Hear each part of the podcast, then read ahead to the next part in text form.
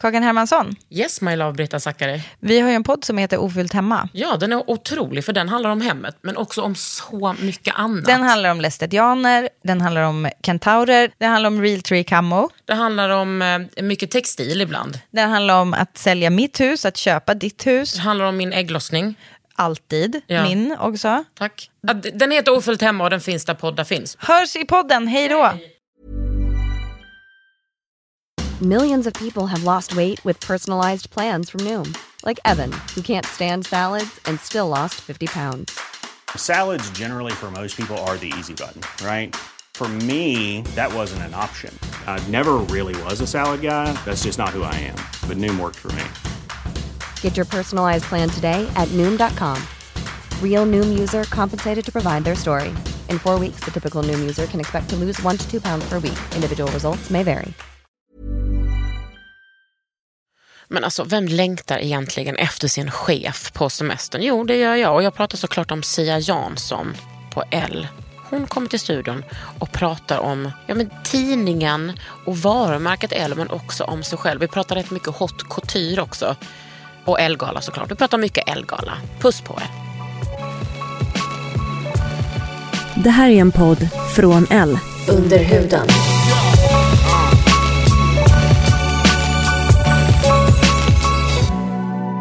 Under huden. Med Kakan, Hermansson.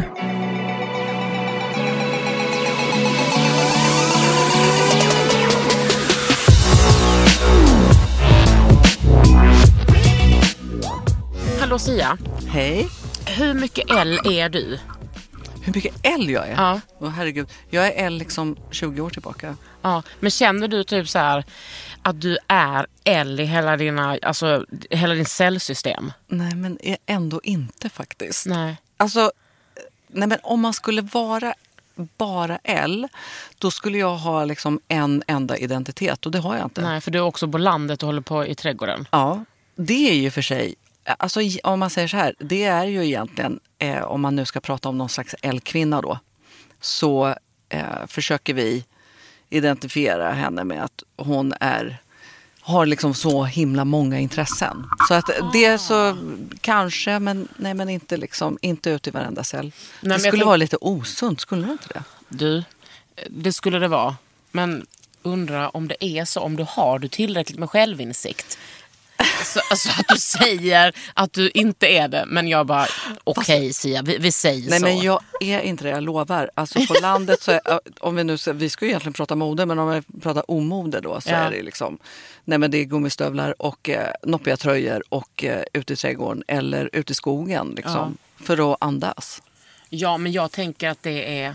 Man måste ju ha en sån eh, motsvarighet, ett, liksom ett minus till ett plus om man ska palla med. Liksom. Ja, det tror jag också. Det är viktigt faktiskt. Men känner du i, din, i, din, så här, i ditt vardagsliv, i alla fall vad jag tänkte på när jag säger att du är L 100% är att du representerar ju L på något sätt hela tiden. Ja, men det tänker jag på. Mm. Det, det gör jag faktiskt. Alltså jag tänker att jag försöker eh, representera värderingarna på något sätt. Att Vilket skulle du säga att de är då? Ja, men det viktiga är att man inte liksom försöker vara slav under någonting. Alltså att man försöker vara sig själv så, så mycket som möjligt, så mycket som det går.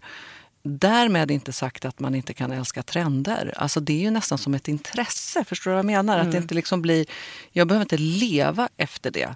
Men jag kan vara intresserad av det som en konversation. Så att, ja, för att komma tillbaka till värderingarna är också så här, vara självständig, försöka vara god och trevlig mot andra. Alltså de enklaste, Ja, inte så vanligaste. jävla svårt. Nej, det är inte så himla svårt. Men du har varit eh, på L i 20 år. Mm, jag började 1998. Ah, så du firar liksom 20 Ja, år. det är helt crazy. Underbart. Men skulle du säga att värderingarna har förändrats mycket från hur liksom L-kvinnan är, eller tidningen L är, på 20 år? Ja, vi har ju då vår grundare Helene Lazareff som eh, den franska kvinnan som grundade L 1947. Det Lever hon? Hon lever inte. Hon var modeintresserad men hon drev också eh, ja, kvinnors rättigheter och drev faktiskt en kamp i Frankrike. Försökte gör, liksom stå på kvinnans sida Och det genomsyrar vårt material tycker jag. Och, och är ännu mer, alltså det är ju så modernt idag. Så att, och det har liksom hela tiden funnits i Els DNA. Så att det är någonting, vi diskuterar det varje dag på redaktionen, olika ja, men, ur artikelserier och inte minst eh, ja, men, dina krönikor eller var, liksom, vart ska vi vara förutom vårt stora modeintresse och lifestyleintresse. Så det, är, det har på ett sätt inte förändrats men samtidigt så har det förändrats för att när jag började 98, då kan man säga så här, om man tittar på 00-talet precis i början, då blev mode mode i Sverige.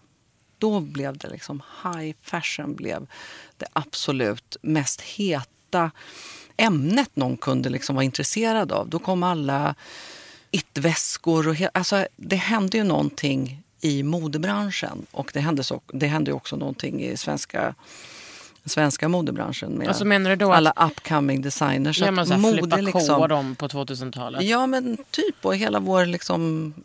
Ja, men Karin Rodebjer och Y-Red, alla liksom poppade upp då. Acne inte minst. Och inte bara det, utan även den internationella scenen.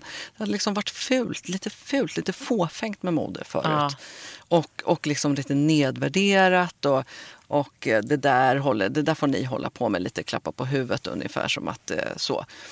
Men eh, helt plötsligt så blev det också intressant, för att, säkert för att det fanns ett stort kapital i det här. Och, eh, så. så att, ja, det har ju... På det sättet har L förändrats i, i Sverige, tycker jag. Att eh, det var bara en modetidning ett tag. Och nu är det modetidning med, med ett eh, bredare innehåll. Mm. Jag började nog läsa L när jag var... Min första prenumeration fick jag nog när jag var 12 och det var 1993. Då tjatade jag verkligen på mamma att jag skulle få en prenumeration. Och så fick jag det, du vet så här, sex nummer och så var jag helt överlycklig. Och då, alltså då, jag ska säga att det är rätt, fortfarande rätt långt bortom att man kan köpa en Max Mara-kappa för 80 000. Ja, men- men det känns ju ändå som att ah, men nu är jag en vuxen kvinna och jag kan ta till mig lite mer. Eller vara kritisk, du vet. Bara känna att man har en relation. Och den diskussionen har vi, den har vi varje dag. Är åh vilka dyra kläder ni visar i tidningen. Eller åh vilka, eller eh, det här har inte jag råd att köpa. Men det behöver inte heller vara så kopplat till att man ska köpa allting. Nej, heller. Man ska väl- kunna bara konst. bli en vill- flykt. Ja. Liksom någon form av, man ska kunna dyka in i en inspiration.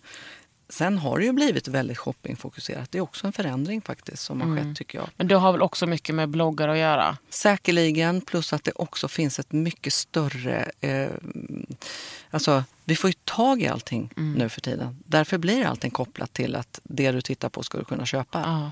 Men när vi gör våra stora modejobb, då, modereportage, då tänker ju vi att det ska vara inspiration.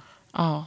Ja, det gör jag nog också. Och sen tänker jag så här, var visst man kan ju läsa bloggar och läsa utländska tidningar eller liksom titta på nätet, men det är väl det som tidningen är till för också, att man ska kunna få se det senaste. Att det ska vara som en liten catwalk liksom. Ja, men ibland till och med är det så här att vi skriver ut, vi skriver ut priser på allting. Vi har ett juveljobb till exempel i, i nästa nummer som heter Åh, Crazy. För att vi, och de, då är det inte så här, vi har inte plåtat det själva. Vi eh, är ju en del av ett nätverk som är 46, eller vi är numera 47 länder. Vilken är den senast har- tillkomna? Den sil- senast tillkomna är en, det är bara faktiskt digitalt och det är Elfenbenskusten. Så det andra landet i Afrika. Wow. Det är jättehäftigt. Är det första landet, är det Sydafrika? Ja. Och jättespännande faktiskt. Men hur som helst så, nu tappade jag bort mig faktiskt. Vad var det Då vi var vi på om? eh, juveljobbet. Juveljobb, precis. Jo, men vad jag skulle säga är så här att så vi, vi, har, vi har ju eh, möjlighet att kunna plocka, eller plocka, men vi köper ju in våra inspirationsjobb från hela världen av L, Ls globa, globala nätverk. Och då kan det bli sådana fantasijobb, som, eller fantasireportage. Då skriver vi ut trots allt det här. Liksom, nu kostar det här 230 000. ja, eller en miljon, eh, whatever. Då, Jag bara euros. tog i 230 Eller 000. någonting. Och det kan man ju tycka, alltså vissa tycker att det är fasansfullt och hur kan man göra det? Men det är också, jag brukar säga så här, det kan också vara bra att man får förfasa sig lite. Det är inte Det är väl så jätteskönt. fult faktiskt, utan det är också lite kul. Mm. Så att det är liksom reaktioner man vill åt också. Så Mm. att inte allting bara är så här, slätstruket, nu ska jag kunna shoppa allting. Utan det här är en katalog. Det är inte det vi gör. Nej, Vi jag tycker vill- att det är härligt att få drömma lite. Ja, och drömma och få tycka eller ta med sig någonting som en conversation piece på en middag. Eller Alltså, hitta en inspiration på till exempel H&M för en billigare Ja. peng. Det är inte helt Nej. fel. Precis. Eller på second hand. Ja. Du, eh, en sak som när man, när man pratar om att jag jobbar på L, när jag pratar om att jag jobbar på L, Mm. så tror jag att folk har liksom bilden av att ja, men då kommer jag till mitt så här, jättesnygga kontor, det är så här, stel stämning och min chef är en bitch. Så är det precis tvärtom. Vi har inte ett jättesnyggt kontor. Vi har verkligen inte ett snyggt kontor. Alltså, har, alltså jag kommer ihåg när jag, jag mötte dig i hissen här för typ kanske ett år sedan. Så var du med franska Els, Ja. eh, vad var de med deras chefer? Ja, det internationella Och, L ja, kommer precis. upp. och då, liksom. hade ni, då var det panikstädning. Mm. Det skulle vara mysigt. Du bara, this is one of our influencers. Jag bara, vad är jag en influencer? Och det var två eleganta herrar. Eh, men, och så tror jag också att många har bilden av att en, vad heter din roll? Vad är du för chef? Vad Ja, men jag är chefredaktör. chefredaktör. Ja. Att du ska vara liksom en Anna Wintour. Nej, men, det liksom går inte. Eller Nej. det vet jag i och för sig inte. Hon kanske är skittrevlig, det vet vi ju inte. Hon sitter ju bara liksom och gömmer sig Ja. bakom sin mask. Där Jag lite. såg henne le. Mm. Jag såg henne le. Visst var hon på Nobelmiddagen? Nej, det var hon inte. Var inte på Nobelmiddag, men gud, då hade det ju varit Nej, men jag såg en kvinna som var så... Jag vill börja Ja, det kanske Anna. Wintour. Men alltså, hon sitter ju och ler och konverserar. Då tänkte jag så här, ja för att när hon sitter där med någon främling då kan hon ju inte... Eh, Men då, det gör hon säkert ändå. Jag tror säkert att hon är mycket trevligare än vad man tror. Ja det tror jag med. Sen så älskar ju folk att måla upp en bild Ja. av kvinnor att de är sura. Och då brukar jag säga att jag längtar liksom efter min chef på, på, när jag är, är ledig eh, på långa så här, sommaruppehåll. Och varför tror du att man har en sån där bild av en, just en modechef? Ja, men, eh, det är också så här någonting som eh, vi har pratat mycket om och som jag också diskuterar faktiskt med många designers. Det finns någonting som, är, som gör folk ängsliga och det är mode. Ja. För att, och det här är ju jätteintressant faktiskt. Det skulle man ju vilja veta från någon beteendeforskare. Det är lite så här att, all, att det blir, åh, ja men, ja, jag vet inte om eh, det är rött som gäller nu. Eller, alltså det är som att man liksom nedvärderar sig själv lite och så tänker man att de här personerna som håller på med mode, de, har, de liksom är något, det, det är något konstigt Precis. Och så folk. ska det finnas, så ska det i sig eh, vara en värdering. Att Ja. om man kan mode eller kan trender, då ska man, har man högre status då? Eller har Mm. Ja, man men liksom, typ. Men jag tror, det har ju också skiftat eh, faktiskt. Eh, I och med alla influencers och, och eh, demokratiseringen skulle jag vilja säga. Nu, det som sker nu, att vi är så himla många fler som Mm. kan värdera trender utifrån olika perspektiv. Vilket är jättebra. Mm. Det är jätte, jättebra. Faktiskt. Så att den här liksom redaktörsmakten som kanske rådde för kanske, ja, för fem år sedan Mm. kanske inte är hur länge har du lika varit stark. chefredaktör? tre år. Har jag varit chefredaktör, men jag var modechef innan. Då, då. Ah, ja, ja. Men hur skulle du säga liksom att eh, alltså, tidningen L har förändrats alltså, på bara kanske på tre år? Ja, men det har ju förändrats på grund av att vi finns på alla plattformar nu. Så att det, det är ju ett varumärke. Vi tänker ju mycket, mycket mer varumärke än att det bara är ett magasin, en, en pappersprodukt. Vi behöver, vi behöver prata om andra saker på webben än vad vi kanske gör i magasinet. Och Vi pratar om vissa saker på Instagram och andra på Facebook. Så att vi har mycket, mycket bredare material faktiskt, Ja. skulle jag vilja säga. Och det tycker jag är, jätte, det är jättebra. Det är också sjukt svårnavigerat ibland. Var, liksom, hur breda kan vi bli eller hur smala ska vi vara? Hur, hur pretentiösa ska vi vara? Eller hur folkliga ska vi vara? Men hade du någon eh, riktning som du ville gå åt eller röra dig mot när du blev chef? Ja, men jag pratade ju med dig till exempel då. Det tyckte jag var viktigt. Ja. Att få in eh, flera, flera kvinnliga röster. Alltså flera kronikörer. Att, eh, jag ska säga så här, det är, tror jag också att du vet, det är sjukt jobbigt att sticka ut hakan. Och det, är, det är tufft att eh, vara personlig. Och vi har kunnat eh, kanske gömma oss lite mer bakom det i magasinvärlden för att man liksom har, det blir liksom någon slags distans när man skriver på papper. Sådär. Mm. Men nu vill alla ha en röst och Mm. det var viktigt. Det var viktigt för mig i alla fall att, att våga ha röster. Ja, och sen liksom, ja, och det sticks ibland. Ja, Så jag, är måste, jag måste ändå säga att jag fortfarande är lite chockad över att jag jobbar här på L. Alltså jag är chockad över att den gången vi sågs, då hade jag delat ut pris på Elgalan. Vi Ja. sågs på Polarpriset och du sa Kaka jag måste fråga dig en sak sen efter liksom själva eh, prisutdelningen. Och bra. Jag bara, och då tänkte jag, nej vad fan har jag gjort nu? Nu har jag betett mig dåligt. Nu har jag, det var någonting om Elgalan. Jag bara, nu har jag, gjorde jag bort mig? Har jag snackat skit Du var liksom om någon? lysande. Ja, men du vet, jag var så nervös. Och du bara, ja, men jag tar det sen. Bara, nej du tar det nu Sia. Du bara, vill du leda det? Och då tänkte jag, nej men är det sant? Och jag tänker fortfarande att det är helt sjukt att en sån riksfeminist som jag, som ändå varit i så mycket blåsväder, att jag får representera er. Men Ja, men jag... du är också kunnig på my- väldigt mycket. Och det är ju också, det här är ju superviktigt för mig att säga. Du är sjukt kunnig. Alltså väldigt, väldigt duktig på hudvård, makeup, hela liksom skönhetsindustrin. Du har otroligt bra värderingar. Tack. Du har också du har verkligen vrålkoll på den svenska modeindustrin, designers, du är kreatör, du är konstnär. Alltså, Ja, ni hör vad ju mer, själva. kan, vad mer kan man önska? Nej. Alltså ärligt talat Kakan. Nej, jag ville bara var höra lite. Och det var fantastiskt. Alltså det är, eh, och jag menar du är så hyllad när du, eh, inte bara i podden här och eh, dina krönikor och det du skriver för oss utan också som programledare för, för Elgalan. Alltså, ja, men det är ju det roligaste som finns att göra. Ja, men du är ju också så jädra bra med den här publiken. Men Det jag vill aldrig det. gå av scenen. Men Fast nu det ska år- du ju göra det. Ja, Fast, nej, ja, så, eller? så nu ger hon mig the guilt trip-blick. Jag ska faktiskt dela ut ett pris. Ja, tur är ju det. Ja, Det tycker jag men också alltså, är tänk jättebra. ändå att Icona Pop ska leda detta året. Ja. Det kommer ju bli så ja, men det jävla blir fett. jättekul. Ja, Det kommer bli. Det är ju helt fantastiskt. Det blir superkul att ha er tre där på scen. ja. Men hur mycket har du med Elgalan att göra?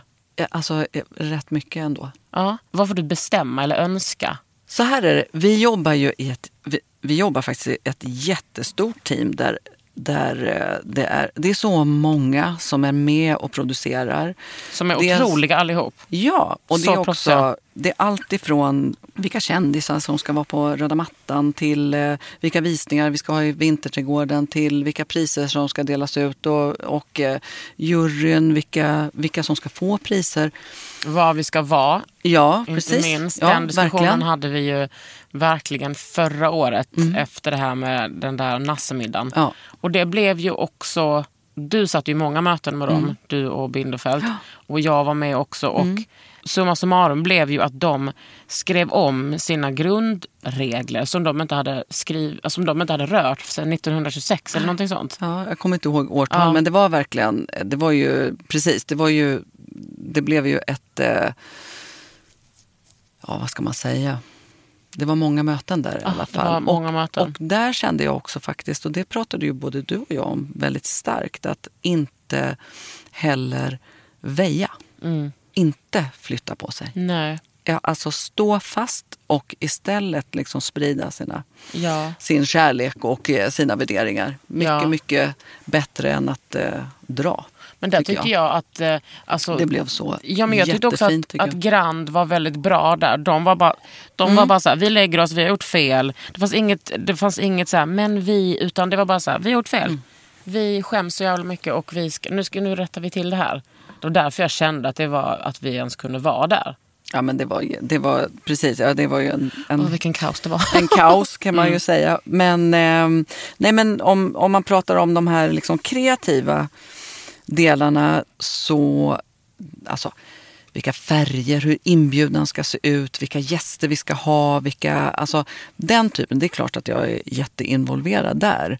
Men det är ju bara proffs runt omkring så att eh, det är ju inte så att eh, det är inte liksom någon slags eh, superkontroll utan alla, alla som är kreativa och sjukt duktiga på det de gör ska ju också liksom få komma fram och, och, och får komma fram. Och så här gör vi. Eh, så att det är ett jättestort teamwork skulle jag Ja, vilja säga. men kanske också skönt för dig att du inte behöver bestämma Nej, allt själv. herregud. Nej, det går inte. Det kan man inte göra. Nej, det, är så, det finns så många bra.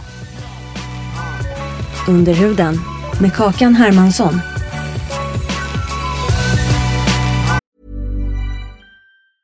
There's never been a faster or easier way to start your weight loss journey than with PlushCare. PlushCare accepts most insurance plans and gives you online access to board-certified physicians who can prescribe FDA-approved weight loss medications like Wigovi and Zepbound for those who qualify. Take charge of your health and speak with a board-certified physician about a weight loss plan that's right for you. Get started today at plushcare.com slash weight loss. That's plushcare.com slash weight loss. plushcare.com slash weight loss. Ever catch yourself eating the same flavorless dinner three days in a row? Dreaming of something better? Well, HelloFresh is your guilt-free dream come true, baby. It's me, Kiki Palmer. Let's wake up those taste buds with hot, juicy pecan-crusted chicken or garlic butter shrimp scampi. Mm. Hello Fresh. Stop dreaming of all the delicious possibilities and dig in at HelloFresh.com. Let's get this dinner party started.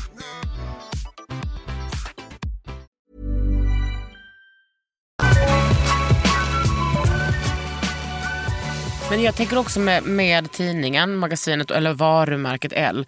Att ni så här, inte bara för att jag är på L, men också att det har ju blivit så mycket mer feministiskt. Liksom. Man tänker på vem som skriver krönikor och vad ni skriver om. Ja. Att, och det är ju väldigt olika olika länder. Till exempel USA, och speciellt, nu är inte det L utan det är Vogue, men amerikanska Vogue är ju super så här, skriver mycket om Black Power-rörelsen eh, till exempel. Att, eh, är det, Men det gör man, alltså det, det är ju olika, såklart att det blir olika typer av eh, reportage i olika länder.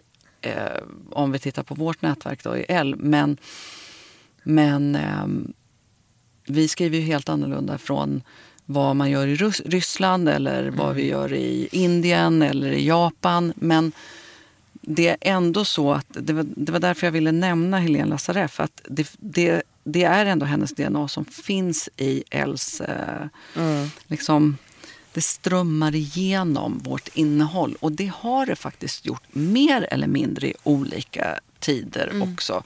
Eh, jag vet precis när jag började på L, då hade vi ett, eh, då hade vi ett stående inslag som hette Kvinna i.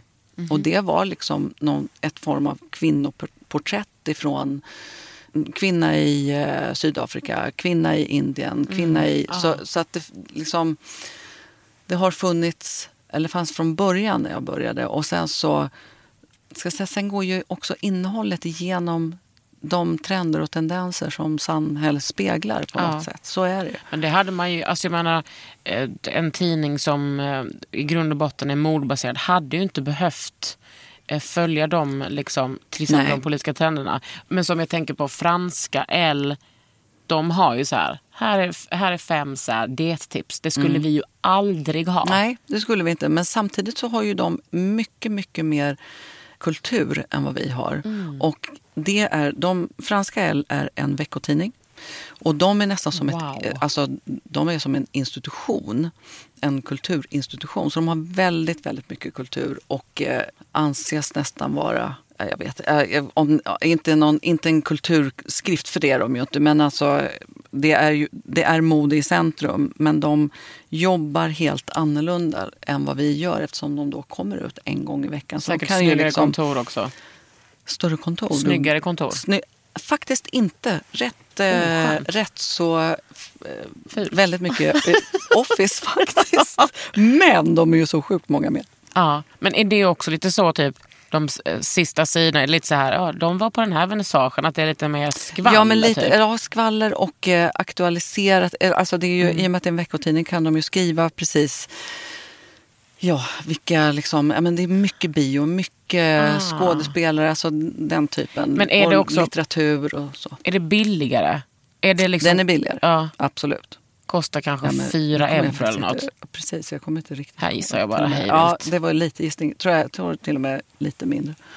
Ja, och men har den ändå samma status som den alltid haft, även om den kommer Ja. oftare? Det har den. Den Mm. har en annan status faktiskt. Och just i Frankrike. Men Frankrike är ju speciellt. Ja.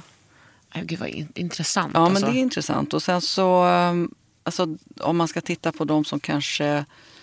I, man kan ju också värdera så här, vart hamnar El Sverige då i vårt nätverk? Ja, men det är klart att då blir så här, skandinaviska länderna, vi, vi klumpas alltihop. Det här är kul för det här ser man också på våra, när vi åker ner på alla modevisningar. Då brukar man alltid hamna så här i L-klungan.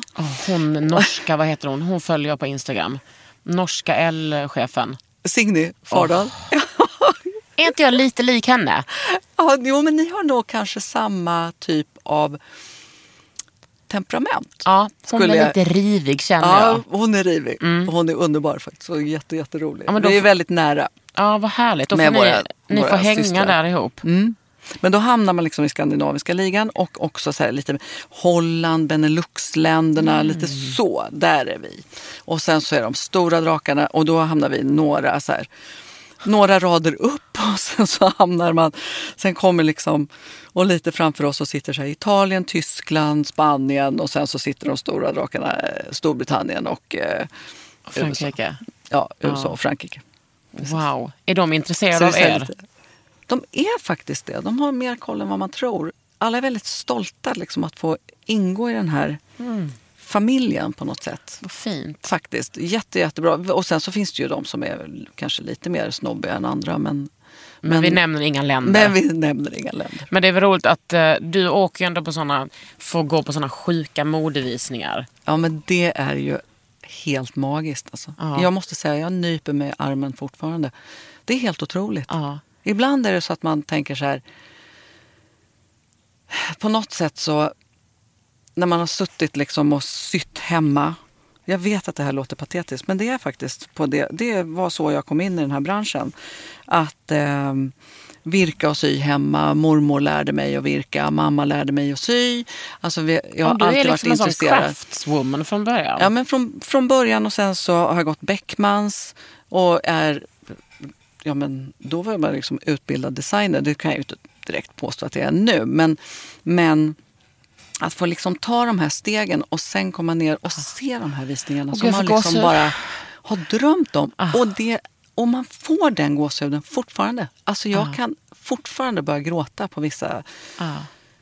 modvisningar. Det låter helt Nej, patetiskt. det låter men inte det patetiskt. är inte Kommer du ihåg det. när jag var på, eh, när jag satt och grät till Ida Klamborns Ja. visning när, som Sara Det är Larsson öppnade? som Nej, liksom, nej, nej, det finns och en musiken sån och... nerv i, eh, i ett rum. När, det, när, den, när vibben är liksom Mm.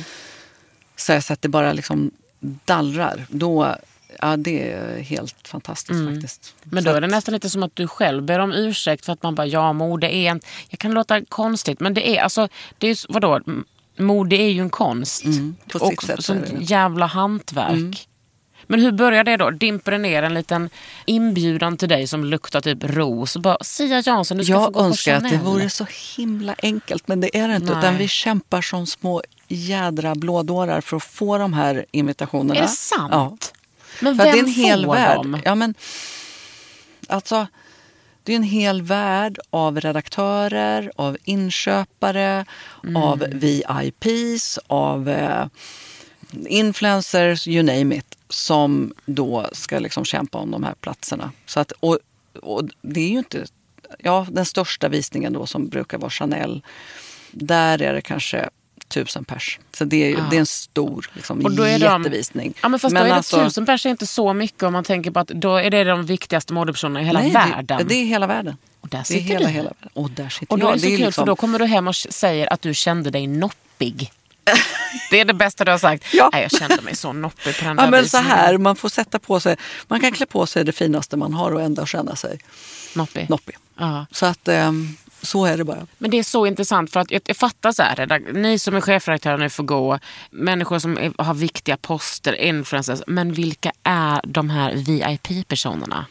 Är det sådana som handlar för sjuka mängder? Oftast, jag kan säga så här, på pret då, som är de vanliga visningarna som vi går på, där ser man inte så mycket det. Men jag har fått förmånen att gå på några couturevisningar. Det är inte, vi brukar inte bevaka couturen. Ehm, Varför inte?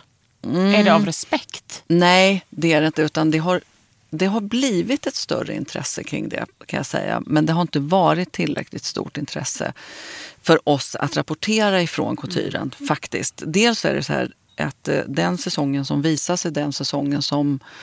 Alltså, det är en direktsäsong.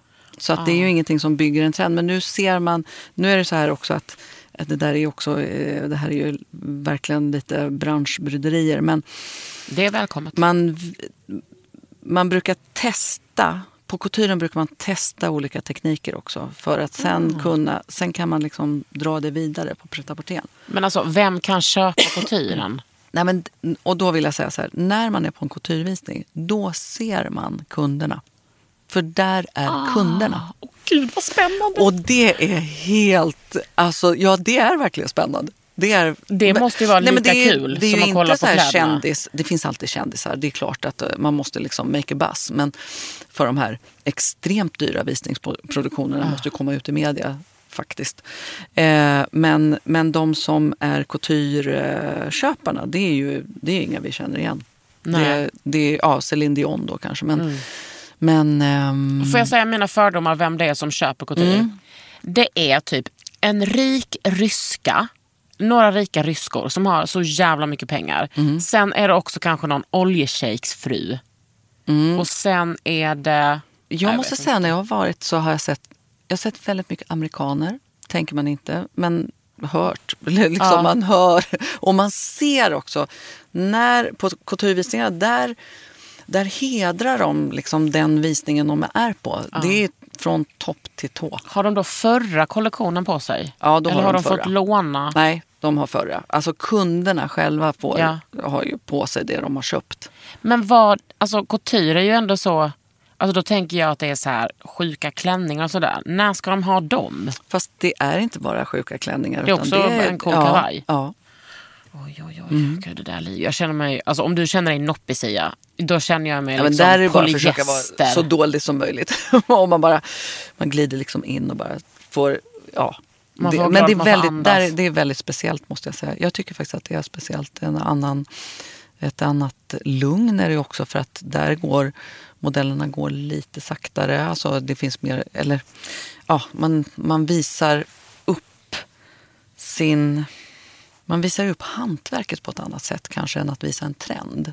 På pret där visar man en vision. En liksom, Men är det samma modeller då? För jag tänker nu för tiden är ju modeller liksom, ah, Bella och Gigi var där. Och, mm, eh, men det har varit samma faktiskt på dem jag har varit. så mm, de har inte några sådana att de bara är så canvases. Nej, De vill ändå ha dem där. men jag, ju, jag är ju dock inte, jag är inte ett eh, coutureproffs. Alltså, så att, eh, de få visningarna jag har varit på. Är, men då har det varit samma tjejer som har varit Mm. aktuella på pret Men vem är couture Skulle du säga att Jenny är det som är modechef? Är hon Alltså, modechef? Nej, det är hon Hon är inte. Hon är moderedaktör. moderedaktör. Men jag ska säga så här, att vara proffs på couture, det, det kan man nästan bara vara om om man har varit i de här ateljéerna och tittat. Alltså, det är en annan typ av kunskap. Det är ju liksom inte trendkunskap Nej. utan det är, det är att kunna värdera det man... Det vi, vi ser ju bara en bild på, åh, det, där kommer vit klänning. Eller så kan man värdera, så här, var det puffärmar, vilken silhuett var det, vilket material var det, så. Men, men couturen är ju så otroligt mycket mer hantverksmannamässig. Så att det, det ska i och för sig bli intressant för de ska ju faktiskt ha en utställning nu med couture på Sven Harris. Så att det ska bli intressant att se. Det kanske är Obs, det är ett så... museum i Stockholm. Ja, ja men precis. ett- precis. Och Gud, eh, där ska de ställa ut vissa coutureplagg. Så det, ja, då Men kan då- man säkert se lite. Alltså, om vi tittar på det närmsta vi har i Sverige som är couture är ju då eh, Per Engsheden till exempel. Som, som, eh, där, man, där man syr nästan allting för hand. Det är det Ja. det handlar om. Det är liksom inga symaskiner eller utan allting är liksom handgjort. Varenda liten pärla. Ja, det är liksom. helt otroligt. Det är verkligen konsthantverk. Men hur går man då från att vara, eller hur blir man en person som kan couture som är, inte bara har råd att köpa det, för det är ju en helt annan historia, men få tillgång till de rummen? Om inte ens typ du är en sån person. Nej, men jag skulle, det är klart att om vi skulle besluta oss för att nu ska vi verkligen fördjupa oss i det. Då skulle vi säkert få tillgång om, om man liksom frågar snällt och sådär. Ja, men, för att, ja, ja, men på något sätt. Så, Men vi har ju inte haft, eh, eller har inte haft, men det är ju inte riktigt det underlaget heller som i, i Sverige. Alltså vi, det är spännande att titta på numera för att vi också för att man har börjat bygga vissa couturevisningar på mer spektakulärt sätt. Och sen så diskuteras det också nu när det är coutureveckan till exempel. Den är ju då i början, eller mitten av januari. Och sen Då är vis- modeveckan menar du? Och sen är ju modeveckan då, alltså om man Mm. säger Paris så är couturen i mitten av januari. Och sen så kommer pret à i slutet av februari, början av mars brukar den vara. Och då är det så här, couturen visar då det som, det som visas nu i januari vis, visar våren. Mm. Och pret som är i mars visar hösten. Mm. Så att för oss då som magasin så är det ju också så att i januari nu, då har ju vi planerat eftersom vi har en lång pressläggningstid rent tekniskt. Så har vi redan planerat hela vårt sommarhalvår. Och det som visas nu... Och då i- måste vi börja titta på hösten. Alltså, så att det blir, förstår du, det blir en kullerbytta rent produktionstekniskt också. Och det som visas nu i januari, februari var det vi såg på catwalken i, på modeveckan i typ september. September, precis. Usch, nu fick jag ihop det här Mm. Ja. i min hjärna. Det är inte helt linjärt. Så. Nej. Eh, men nu tittar man också på i, i eh, modebranschen så är det flera som väljer att till exempel slå ihop herr och damkollektionerna till en enda visning. Det har vi gjort i Sverige under hela 00-talet. Det har ju också varit en av styrkorna på Svenska modeveckan. Att flera varumärken har valt att visa dam och herr på samma catwalk. Helt relevant för mig. Det börjar vissa varumärken göra nu. Och då ligger också herrveckan precis vid coutureveckan. Så då är det flera som har slagit ihop där och då börjar coutureveckan bli mer intressant. Så till exempel Vettman då. Ja. Eh, de slog ihop dam och herr och så visade de den samtidigt som alla viktiga redaktörer är på couturen och på herrveckan. Oj, oj, jag blir Ja. utbränd bara av att höra det här. Du förstår. Men hur länge tror du Men det är Vetements ett kommer system. vara coola? Liksom. Vilka? Vetements? Vetman. Vetman är svårt att säga, men jag, alltså nu har de ju skiftat över nästan all sin fokus på Balenciaga. Så att, Och det är, är coolt. Och det är fortfarande... Prata om att förfasas. Alltså det tycker jag är så spännande. Att man ändå driver ehm, den här estetiska idén på platåcrocksen. Att allting är super... Det är nästan som att du bara ska höja ögonbrynen hela tiden. Ja, Och det funkar ju uppenbart. verkligen. Och ändå tycker jag att de känns så... Om man tänker mig så här... Om man tänker en så här Dior-visning eller Chanel-visning, Mm. det känns så himla långt borta. Men du kan faktiskt klippa ihop ett par jeans så att det ser ut som Vetements. Ja. Att det, liksom, det känns lite mer så här nära på något sätt. Mm. Jo, men det absolut. Ja, man kan ta inspirationen därifrån, absolut. Men det kan man göra med de andra också faktiskt. Ja, alltså, om, man bara, om man tittar på om man bara ska inspireras. Men jag menar, det varumärket kostar ju lika mycket som Jag de andra. En kvinna Och det, kan det, så få det blir nästan önska. ännu mer chockerande för, för, för många att en DHL-t-shirt kan kosta. Ja, vad kostar de? Ja, men det är flera tusen.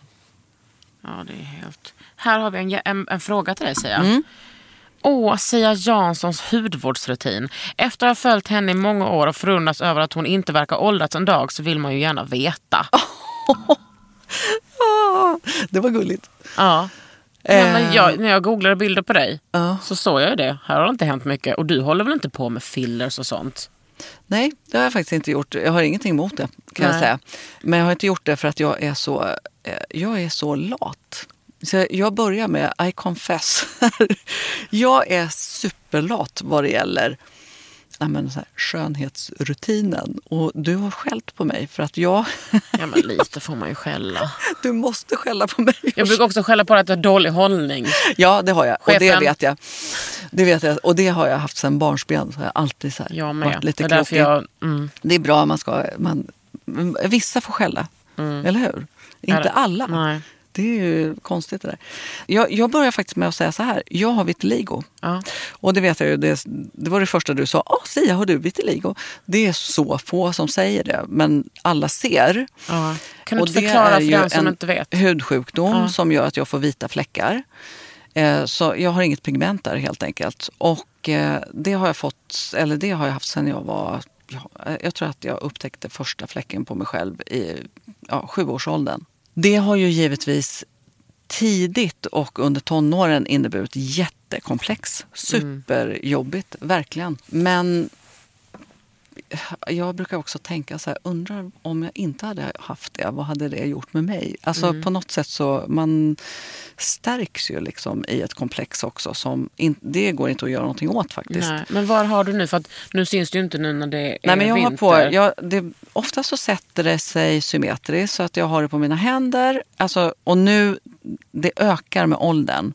Men från början var det bara några fläckar på, vid fingrarna och sen så armhålorna, ljumskarna och runt ögonen. Så att jag har runt ögonen och det är också därför jag inte har solat. Yes. Så- Och där har vi. Där är det lite, jag skulle vilja säga så här, det, kan, det, det är klart att det betyder mycket. Mm. Nu låter det, jag. som att vi har övat in det här svaret, men det har vi faktiskt inte gjort. Nej, men du är jag noga ju, med SPFen. Ja, jag är väldigt noga med SPFen. Verkligen. Jag kommer ihåg att vi pratade om om det var i somras, att du Ja, men eftersom det är så himla svårt att hålla på och smörja in händerna med SPF hela tiden. Men då sa du att du hade läst att ja, men området där du inte har pigment, där har jag alltid tänkt att så här, om man bara exponerar det en sekund så blir det så här cancer. Men då har du läst Nej, att det inte är så. Nej, precis. Men det här det känner jag att jag liksom inte riktigt har forskat vidare i. Men det lät ju väldigt intressant faktiskt. Ehm, skönt. så det, det kanske vi ska låta vara osagt om det inte är så. Men jag, jag, det var faktiskt en ehm, spännande artikel. Jag gör ju det ändå. Man smörjer in sig ändå för Mm. att oavsett om det blir cancer eller inte så är det, alltså jag blir ju bränd. Mm. Och det gör på, ont. Och det gör jävligt ont. Ja. Helt enkelt. Så att det gör man liksom bara en gång och sen vet man att man täcker sig. Så ja, det har bidragit till att eh, Du man inte har... 25. Att man inte, nej, ja, nu, Hur gammal är är du? 50? 52. Jag blir 53 snart. Men sen så kan jag säga så här. Nej, men jag har tvättat, min, jag har tvättat ansiktet med tvål. Och jag vet att jag inte hon- får ja. säga det. Du men jag gillar också att du ser lite skamsen Ja, ut. ja. Men du gör inte det längre? Nej, för nu är det nämligen så här att min dotter då som är 17, hon, har, hon älskar hudvårdsrutiner. Så hon Bra. har då eh, jättebra saker som jag snor. Men alltså, du kan också bara sno i skåpet. Vi Ja, har ju hur mycket som det. helst. Det är så här, alltså, jag kommer liksom aldrig ihåg. Nej. det, gud vad jobbigt. Men, men sen har jag alltid varit noggrann med, och, och då är det så här. Jag har alltid varit noga med eh, vad jag har för kräm och foundation. För att för mig är det så här, i och med att jag har jag sminkar mig ju verkligen runt ögonen. Jag, smink, liksom, jag har ju en pancake också. Och då kan inte jag ha produkter som inte... Alltså jag kan inte ha vissa parfymerade produkter. Nej. Det går inte. Då börjar ögonen rinna med en sekund, på en sekund. Så att där har jag liksom mina favoriter. Och eh, då har jag antingen så Bioterm eller Calaren varje morgon och kväll. Liksom. Inte några speciella nattkrämer, inga speciella serum. Ibland kan jag ha serum. Jag provade då eh, det här Clarence Double Serum. Ja. Och det var perfekt för att jag har jädrigt torr hy. Mm. Så att då kan det komma så här, man känner, och speciellt nu januari, februari, alltså det Ja. är ju en killer för Och det glömmer huden. man också varje januari och februari. Man Ja. bara, gud var det så här förut? Ja det var det. Och, så, och då, förut så hade jag liksom fnöskig hy, men nu, det har hjälpt mig. Så det har, och det kanske också är för att ja, eh, hyn förändras ju faktiskt med åldern och med åren. Så att eh, jag känner att jag, har, jag behöver ha de här serumen. Är det den nya double eh, serumet? Ja. Du, vad heter det? Double serum? Ja. Oj, men gud, jag vet ju inte när Ja, för det lanserades ju i september. Jag Mm. var ju på den där Just lanseringen. det, precis. Det precis. var helt sjukt. Mm. Alltså det var, det var liksom sjukt. Alltså de hade, heter det Gr- Grand Palais? Just det det, som det var det ju. i Paris. Ja, men De hade precis. hyrt det. Så var det. Du ser. Ja, och jag klädde upp mig, satte på mig mina fina kläder, satte på mina Celine-skor. För jag tänkte, nu jävlar. Jag gick, kom folk, redaktörer, beautyredaktörer i tofflor. Jag blev kränkt. ja, men det är bra, det är bra. Du ska liksom... Man ska representera lite. Ja, ja. Men det måste ju också vara så, alltså, för tio år sedan, jag menar, vad hade ni, hur många sidor beauty hade ni då i tidningen? Men vi hade ju många. beauty men inte lika mycket som det är nu. Det, det är ju ett enormt intresse. Alltså det är en, en marknad också som har exploderat fullkomligt. Så att, eh, och det, vi tä- täcker ju så mycket som vi kan såklart. Ja, men att, av den men industrin. Nu, nu var vi ju tre stycken som jobbar med, men nu är Ja. vi två. Ja. Och det är ju rätt, jag menar, eh, tänk att jag har en podd som Ja, I alla fall från början handlade väldigt mycket om hud. Det är sjukt att folk är så intresserade av det. Mm. Nej, jag tycker inte alls Nej, jag att det är älskar sjukt. det. Det, är ju, det, alltså, det säger sig självt att det är... Det är ju det, är det man ser i spegeln varje morgon och varje kväll. Åtminstone. Mm, men där Alltså- tycker jag att det är samma som med som du förklarar mode på 2000-talet. Att nu kanske man vågar ta det mer på allvar. Fast vi Ja. är fortfarande i en, eh, i en liten eh, övergångsperiod. Där vi Mm. också hela tiden Åh gud, så här, tjatar om om det är feministiskt eller inte och bla bla bla bla. Vem bryr sig? Låt, eh, låt en kvinna hålla på med lite fukt. Men det, vi har fått Ja, men det gör väl killar också? Jag fattar inte. ja, verkligen. Alltså på riktigt. Men jag bryr mig lite mer om tjejerna faktiskt. Ja, jag förstår. Men jag menar om man ska liksom bli kommenterad Ja. hela tiden för det där. Det tycker jag också är så Jag har tröttsamt. Fråga till Sia. Hennes urhäftiga attityd och uppenbarelse har ju också blivit hennes signatur. Jag tänker på håret, ögonsminket och de klassiska Sia-glasögon. Det är så himla fint att du, alltså du har ju haft de där glasögonen så länge jag har vetat vem du har varit. Typ. Ja, men jag hade ju faktiskt fyrkantiga glasögon precis sådär vid, ja, jag tror att jag bytte mm, 2001. På riktigt. Vänta, har du haft de här sedan 2001 eller hade du ett uppehåll 2001? Nej, men jag har haft de här sedan 2001, typ. Nu, ska, alltså, eh, jag tror 2001, 2002 kanske. Det är alltså snart 20-årsjubileum. Ja, Eller vi måste ha fest då. Men jag kommer ihåg, det var kanske ett år sedan du bara, nu ska jag lämna in mina glasögon. Pilotglasögonfesten. ska hon köpa nya glasögon? Du bara, nej, nej, nej, jag ska bara, jag ska bara fixa den här ytbehandlingen. Precis. Ja, men vet du, jag pratade faktiskt, det här är så himla kul, jag hade någon slags eh, dialog med Robert Rydberg, stylisten som jobbar för oss. För, ja men det kan det ha varit så här fem år sedan som bara Åh, jag måste byta glasögon. Han bara, nej, nej, nej, Sida. Säger du måste rida ut det. Rida ut det bara. För då var det ju någon slags trend också, pilotglasögon-trend. Som, alltså att fler och fler tjejer började ha pilotglasögon. Att det kom tillbaks. Ja, Ja, men det kommer väl komma tillbaks igen. Ja, fram och tillbaka. Och så kände jag bara så här, det är också... Det är rätt skönt också att bara... Alltså det finns ju en lathet i det där med. Jag kommer tillbaka till det faktiskt. Alltså, det är skönt att bara veta, så här är det nu, nu har jag de här. Och sen så har jag ju då, jag har, jag har ändrat, så här, ska jag ha guld eller ska jag silver? Och ett tag så hade jag lite så här, en crush på Ozzy Os- Osbourne och bara körde några så här lite halvmörka. Så jag bara kände så här, det var coolt i en månad men sen hade jag dem ändå i flera år för att jag var för lat. Och så typ skavde det bort Ja, lite. Nej men, ja. Men det är väl gött med att en, en, så här, en person som representerar mode på det sättet skiter i. Man bara, jag har de här glasögonen, skiter vi om de är inne eller inte. Nej, och sen så blir det så här på något sätt att det, det blir ju också en... Det, jag förstår, det är en look. Jag det, det är klart att det är. Så det blir en look. Men den looken eh, blir ju också på något sätt... Jag kombinerar ju den med mina kläder. Så att jag tänker ju liksom en helhet när jag går ut och väljer ja, men vad ska jag på mig, vad ska jag ha på mig på galan, vad ska jag ha på mig, whatever. Så så blir ju det en helhetslook. Om jag skulle då, jag vet, ja, det här är ett intressant experiment. Vad skulle hända om jag bytte eh, glasögonstil? Skulle Ja. jag vara tvungen att byta hela min garderob då? Ja, det skulle du aldrig Alltså- göra, du är för lat för det. Du skulle aldrig göra det. Du färgar håret hemma Sia. Alltså, ibland. ibland går du på Men, salong. ja, ibland går jag Ja. på salong. Men vad ska du ha på dig på Elgalan? Ja, men nu tror jag att eh, jag är redo för en suit. Åh fy fan vad snyggt. Men du bär ju får se. upp det väldigt bra. Jag kände för det. Du har ju faktiskt. ofta, alltså det känns som att du har det väldigt... Eh, Mm, älskar kostymer. Ja. Jag älskar det. Det är det bästa som finns. Men jag har varit lite klänning, eh, lite så ja, du hade klänning nu faktiskt. i, eh, nu förra året. Och sen så har jag haft eh, eh, lite så festkappor och sådär. Så att, mm. Jag har ju ingenting allt på mig så jag får ha stövlarna från förra året som går ända upp ja, till, de var ju så coola. till trosorna Ja. och sen så bara en kavaj till. Åh, vad fint. Ja. Skitfin. Jag tänker så här, eftersom jag inte, jag ska ju inte, jag ska inte leda galan så folk kommer inte kolla på mig på samma sätt. Då kan, kommer man ju undan med rätt mycket. Ja, men man må kolla på dig ändå såklart. För att inte, tänk, för att inte tala om röda mattan. Åh gud. Everything. Ja, men vem kommer, kommer du någon sy upp den här suiten till dig? Eller kommer, Det finns är... Ja, gud jag kan ju inte avslöja men det är Ah, liksom ja, en, ja, det är ja, en jag enkel, det, det är en enkel suit. Det är så.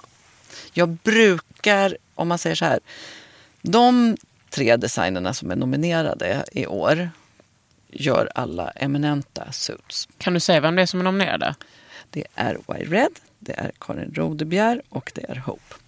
Åh, vad kul. Det här är också första året på länge som jag inte vet eh, vem som vinner någonting. Nej, nej så det kommer ju på fredagen då. Åh, Den 19. gud, vad kul. Mm. Är du nervös inför Elgalan? Ja, men det brukar... Alltså, jag kan säga så här, själva produktionen är jag inte ett dugg nervös för. för jag, det är så fantastiska människor som jobbar med hela produktionen. Så det är full tillit till Mm. hela teamet. Däremot så är jag så här, halv obekväm. Alltså det, jag tror att det är bra att vara lite nervös. Jag, ty, jag, jag tycker att det är jobbigt att stå på scen. Och jag, då kan jag säga så här, jag tycker egentligen inte att det är jobbigt att stå på scen. Men här är ju liksom alla kollegor. Ja. Det är det som blir... Det, det är liksom det värsta. Det är nästan som att eh, ibland kan det vara jobbigt att hålla ett möte för ens egen grupp. För att man är så nära. Och eh, här är det liksom branschen. Men alla älskar ju dig Sia. Du Nej, får men det gör de jo, inte, det gör vi. alltså- får tänka på det när du står där uppe. Det blir... Och sen är det så liten, liten insats. Man hälsar folk välkomna och eh, kanske delar ut ett pris och sådär. Så att, det är ju fantastiska människor där såklart. Men ja. jag Kan du slappna nervös. av sen på, på festen? Ja, men jag, brukar, jag kan också slappna av innan. För att det är ju också så här, man har gjort in, vi har gjort det så många gånger. 20 Ehm, gånger. Så att, ja, 20 gånger. Så att nervositet, det kan vara bra. Ja. Det skärper sinnena faktiskt. Det gör det. Jag var fan inte nervös förra året. Jag älskar att gå ut på den här Ja, scenen. men du är ju liksom ett naturbarn på scen. Nej men det du är jag så- inte. Jag har övat upp det Sia. Jaha, jag har, varit, du, jag har du haft är sån också jävla scenskräck. skådespelartalang. Alltså, dina, dina tv-produktioner som du gör nu. Fantastiska. Tack. Kolla, sån här är hon. Hon ger en liksom pepp. Ja, men det är bra. Okej, men eh, då får vi bara meddela efter galan vem som vann och vad Mm. du hade på dig. Gud vad roligt. Jag ska ha på mig grej från H&M faktiskt. Mm. Från topp till tå tror jag. Alltså, det är för att H&M har sytt upp de här stövlarna till mig. Det är inte som att de Ja, finns. från förra året, men Ja. de var så coola. Det Alltså, blir fattar så du hur fint. lyxigt det är att säga jag vill ha de här. Jag vet att de ska se ut så och så syr någon upp. Ja, det är ju fantastiskt. Det är faktiskt det. Det är verkligen det. Det är en ynnest. Mm. Kommer ju inte hä- hända med couturen men får man ändå vara nöjd med. Gör couture sånt så att de specialsyr. Det tror jag. Fast jag tror att eh, jag tror inte de gör vad som helst. Alltså så här, det är ju ändå en kreatör eller en designer som Mm. liksom på något sätt Alltså om det inte ja, är men alltså man måste, som pekar ut en riktning. Ja. ja du, vi ses omkring. Ni har lyssnat på Under huden med mig, Kakan Hermansson och Sia Jansson. ja, det är bra du ska säga ditt namn där. Perfekt. Under huden med Kakan Hermansson. En podd från L.